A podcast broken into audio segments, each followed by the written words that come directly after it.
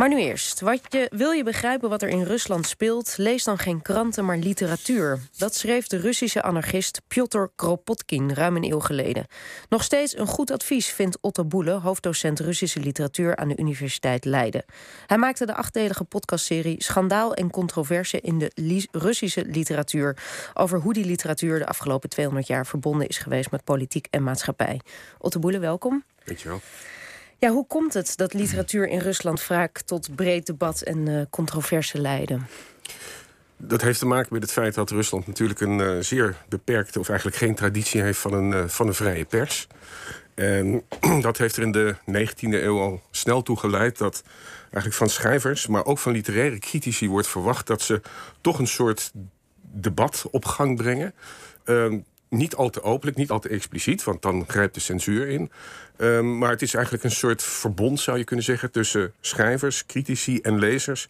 Die proberen tussen de regels door te lezen. Dus via fictieve hoofdpersonages bijvoorbeeld uh, kun je kritiek lezen over het Rusland waarin ze leven. Ja, en die fictieve personages die willen nog wel eens een uitgebreide monoloog houden over uh, hoe dingen zouden moeten. En soms is dat een hele zit, maar dat is een manier om het ja. te doen. Ja. Nee, wel, het is voor de openbare meningvorming is het uh, onder de denkende deel de natie, laten we maar zeggen voor het gemak, is literatuur van groot belang. Heeft, ehm, heeft toen jij deze serie ging maken, toen viel geloof ik op 24 februari uh, Rusland-Oekraïne binnen. Heeft dat jouw kijk op het project veranderd? Um, nou, in eerste instantie schokken we wel. En we begrepen ook dat we even moesten wachten met het uitbrengen van die serie. Want um, als je nog niet hebt geluisterd, zou je kunnen denken dat, het, dat we hier eigenlijk heel zorgeloos gewoon de Russische cultuur zitten te vieren. En dat wilden we natuurlijk niet, uh, die boodschap wilden we niet overbrengen. Uiteindelijk blijkt toch al heel snel, denk ik, dat als je die hele podcastserie doorluistert, en vooral de laatste twee afleveringen, dat eigenlijk zoveel gaat over uh, de opkomst van het Russisch nationalisme, over um, de koersbepaling, waar moet het heen met Rusland. Ik denk dat op een indirecte manier dat heel veel verklaart over uh, wat Rusland nu, uh, nu doet. En kun je een schets geven van de, de afleveringen die jullie bespreken? Wat, wat komt er allemaal voorbij? Je zou kunnen zeggen dat um, een aantal gaan over uh, het seksuele vraagstuk. Dat was iets wat iedereen bezig hield. Um, eind 19e, begin 20e eeuw. Um, onder andere een aflevering over uh, de schrijver Lev Tolstoy... en die zo'n getroubleerde verhouding had met het hele begrip seksualiteit... terwijl hij zelf uh, 13 kinderen op de wereld heeft geholpen. Um, een aantal andere van die uh, podcasts die gaan echt specifiek over de vraag... wat is nou de plaats van Rusland in de, op de internationale arena... ten opzichte van West-Europa, het Westen? En dat begint eigenlijk al met de eerste um, aflevering over een zekere Piotr Tchaadaev. Dat is een naam die ons niet zoveel zegt, maar het is een heel beladen naam in de geschiedenis van de Russische intelligentie. Hij is echt de eerste geweest die heeft gezegd: ja, Rusland, als je de balans opmaakt, heeft eigenlijk helemaal niks gepresteerd, heeft niks bijgedragen aan de wereldcultuur. Waarna natuurlijk heel veel mensen over hem heen vielen. Hij werd zelfs officieel krankzinnig verklaard en tot huisarrest veroordeeld. Dat klinkt ook allemaal heel bekend. Um, en daarmee heeft hij een debat geëntameerd. Het debat tussen de slavofielen en de westerlingen... die steeds maar terugkeert. En ook nu zou je kunnen zeggen, is dat weer een debat. Uh, en ook de, de hele koersbepaling onder Vladimir Poetin... die gaat steeds daarover. In hoeverre moet Rusland nou aansluiting zoeken bij het Westen... of moet het toch eigenlijk zijn eigen en, weg En wat is dan het geluid wat je vooral hoort? Aan de ene kant is er die hang naar het Westen. Als we beschaafd, geciviliseerd willen zijn... dan moeten we ons richten op Frankrijk, het Westen. Aan de andere kant is er een waanzinnige afkeer. Uh, waar, hoe, hoe sterk is die afkeer? En kun je voorbeelden noemen van hoe die afkeer onder woorden wordt gebracht? En wat dan precies de kern van die afkeer van het Westen is. En van het koesteren van de eigen identiteit, Slavische identiteit. Ja, dat, uh, die eigen identiteit, dat is natuurlijk voor een gedeelte ook iets wat ja, ter plekke wordt verzonnen en ook voortdurend wordt uh, onderhandeld. Je zou kunnen zeggen, als we het een beetje bij de actualiteit houden, dat um, in de voorlaatste aflevering hebben we het over de opkomst van het, uh, het Russisch nationalisme. Dat gaat over een groep schrijvers een schrijver in het bijzonder, Viktor Astafjev... die eigenlijk golde als heel progressief en uh, Kremlin-kritisch... zou je kunnen zeggen, in de jaren 70. En wat je ziet gebeuren is dat wanneer Gorbachev aan de macht komt... Hè, wanneer Rusland, de Sovjet-Unie, opengaat...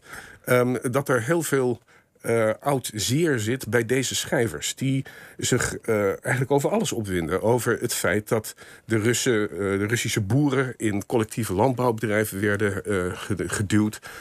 ze zijn boos over toch de westerse invloed. Ook westerse popmuziek die onder Russische jeugd heel populair blijkt te zijn.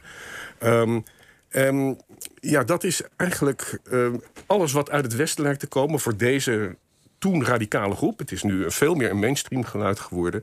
He, die storen zich eigenlijk aan alles wat uit het Westen komt. Dus ook ideeën over vrouwenemancipatie. En dan heb ik het nog niet eens over homorechten natuurlijk. Maar dat is, speelt in onze tijd heel erg. En, en, gaat dat dan terug op, eh, laten we zeggen, ook een 19e eeuwse is, is daar in de 19e eeuw met name een fundament voorgelegd, doorgelegd voor, door schrijvers als Dostoevsky en dergelijke? Ja, Dostoevsky is daar een belangrijke exponent van. Maar ik noemde hem wat. Piotr Tjajdaev is eigenlijk een belangrijke katalysator geweest in dat, in dat hele debat.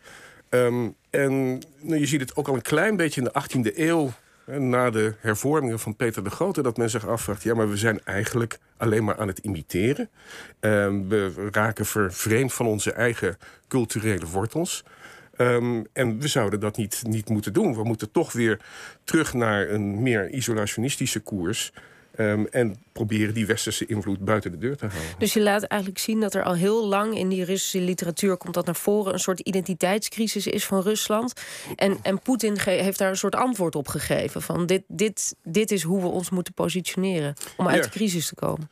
Ja, dan gaat het natuurlijk inderdaad toch weer over Poetin. Dat is bijna onvermijdelijk. Um, en je ziet ook dat hij natuurlijk eh, eigenlijk begon als een soort uh, een beetje een, een, technische manager eigenlijk. Die uh, helemaal niet afwijzend tegenover het Westen stond. Dat is geleidelijk gegroeid. Maar het is heel duidelijk dat hij en mensen die hem steunen, dat die eigenlijk in een traditie staan.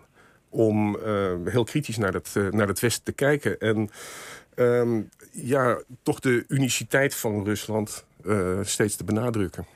Nou, bespreekt die podcastserie dus bijna twee eeuwen aan literatuur. De laatste aflevering gaat over een boek uit 2011. Wat, wat, wat, is dat voor boek? Dat is een Russische geschiedenis. Dat is de Nederlandse titel althans van een uh, roman van Ludmila Ulitskaya. Uh, Ulitskaya is een van de vele schrijvers die na 24 februari ervoor gekozen hebben om uh, Rusland te verlaten. Ze woont nu in Berlijn. En dat is een roman, een historisch roman over de dissidentenbewegingen in de jaren 60 en 70. Um, en ze heeft dat geschreven eigenlijk vanuit een betrokkenheid met die dissidentenbeweging. Um, het is, was haar opgevallen dat in toenemende mate, en nu al helemaal, die dissidenten helemaal niet worden gezien als nationale helden. De ja, morele stemmen die het uh, tegen het Kremlin hebben durven opnemen, die worden vanuit het Kremlin en vanuit de staatsmedia steeds meer uh, neergezet als een soort landverraders. Nou, daar verzet zij zich tegen en ze probeert met deze historische roman, waarin drie figuren centraal staan, vertegenwoordigers van de Russische intelligentie, die steeds meer eigenlijk de kant van het dissidentenwezen opgaan, probeert ze die geschiedenis te vertellen. En daar is ook weer heel veel debat over ontstaan, um, omdat uh, er genoeg ja, behoudende, conservatieve schrijvers en critici zijn... Hè, die um, ja, daar tegenin gaan. En uh, dan gaat de discussie inderdaad over de dissidentenbeweging... maar ook in hoeverre moet er ruimte zijn voor die oppositiebeweging, ook nu. Ja, ja. want nu gaat de Universiteit Leiden, waar jij werkt... vanaf september onderdak bieden aan een schrijver die Rusland ontvluchtte... Maxim Ozipov. Is hij een voorbeeld van die nieuwe generatie dissidenten onder Poetin? Ja, hij is een, um, uh, een schrijver die eigenlijk um, niet zo heel erg politiek zich heeft geuit tot nog toe. Maar uh, uiteindelijk toch heel duidelijk stelling heeft genomen tegen de oorlog. En toen was het duidelijk dat hij uh, niet langer in, uh, in Rusland kon verblijven. Want ja, noem je de speciale militaire operatie in oorlog... dan riskeer je een behoorlijke gevangenisstraf. Dus hij heeft Rusland verlaten en zal inderdaad bij ons in Leiden... als gastdocent een jaar lang actief zijn. Goed, dus het is een. Uh, nou, je luistert allemaal naar deze podcastserie, want het is, uh, het is weer allemaal erg actueel. Uh, hij heet Schandaal en controverse in de Russische literatuur. Samen met Kai Massenbroek heb je hem gemaakt. En de afleveringen zijn te luisteren in alle podcast-apps. Ja, en, en, het leuke van die podcast is natuurlijk ook dat je dan ineens snapt hoe je die Russische literatuur van de 19e en 20e eeuw mag en moet lezen. Het doet net ook iets meer dan alleen actualiteit.